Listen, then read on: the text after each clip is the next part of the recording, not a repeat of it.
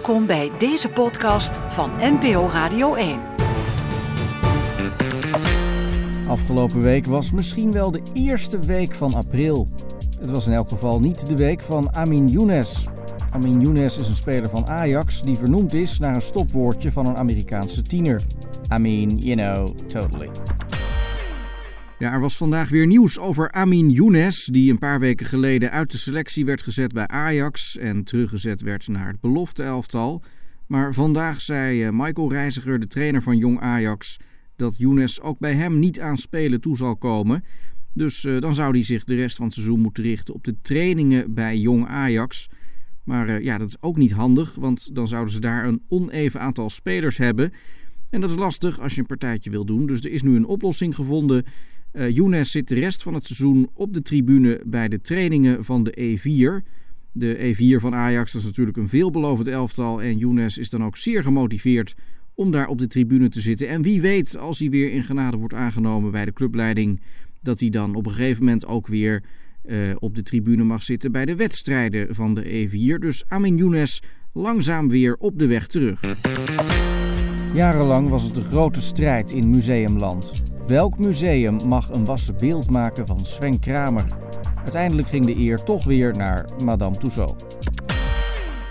Nou, ik sta hier naast Sven Kramer, want hij uh, kreeg vandaag zijn eigen wassen beeld in Madame Tussauds. Ja, Sven, uh, ik kan me voorstellen dat het enerzijds een enorme eer is om uh, hier te staan.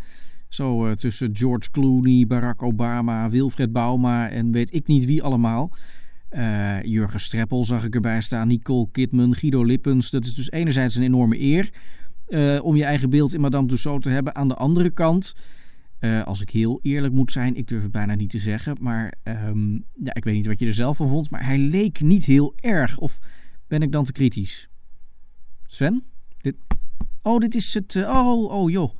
Oké, nou ja, toch nog aardig geluk dan eigenlijk. Goh. Uh, tot zover hier vanuit uh, Madame Tussauds in Amsterdam.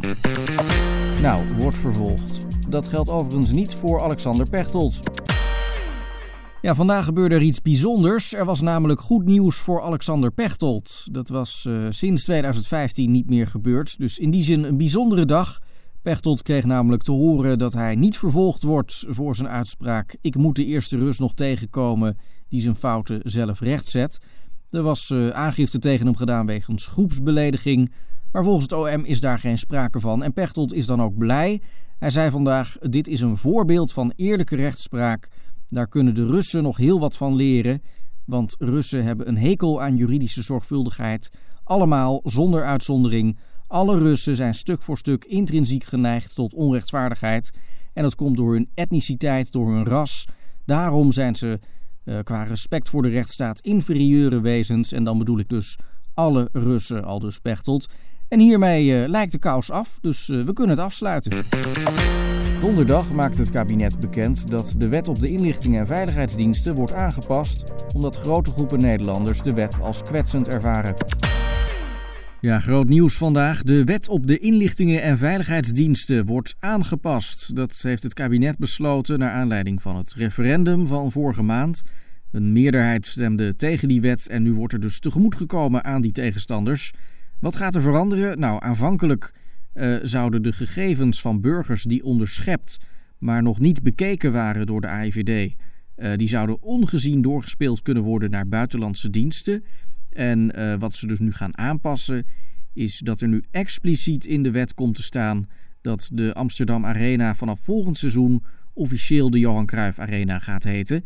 Dat is dus qua privacy niet één op één een verbetering, maar het is natuurlijk wel een manier om het draagvlak voor deze wet enorm te vergroten. Dus je zou kunnen zeggen: eindgoed, al goed.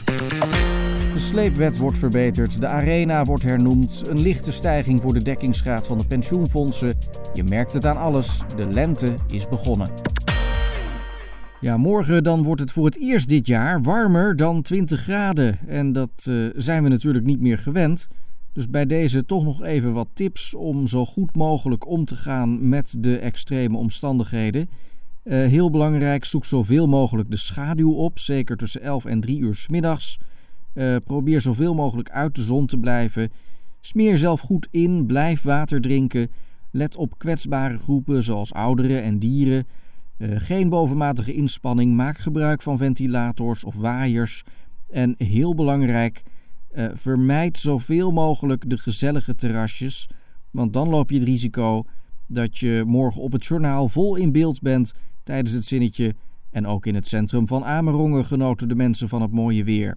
Dus doe voorzichtig en maak er een mooie dag van. De podcast van Radio 1. Ga naar nporadio1.nl/slash podcast. Daar vind je er nog meer.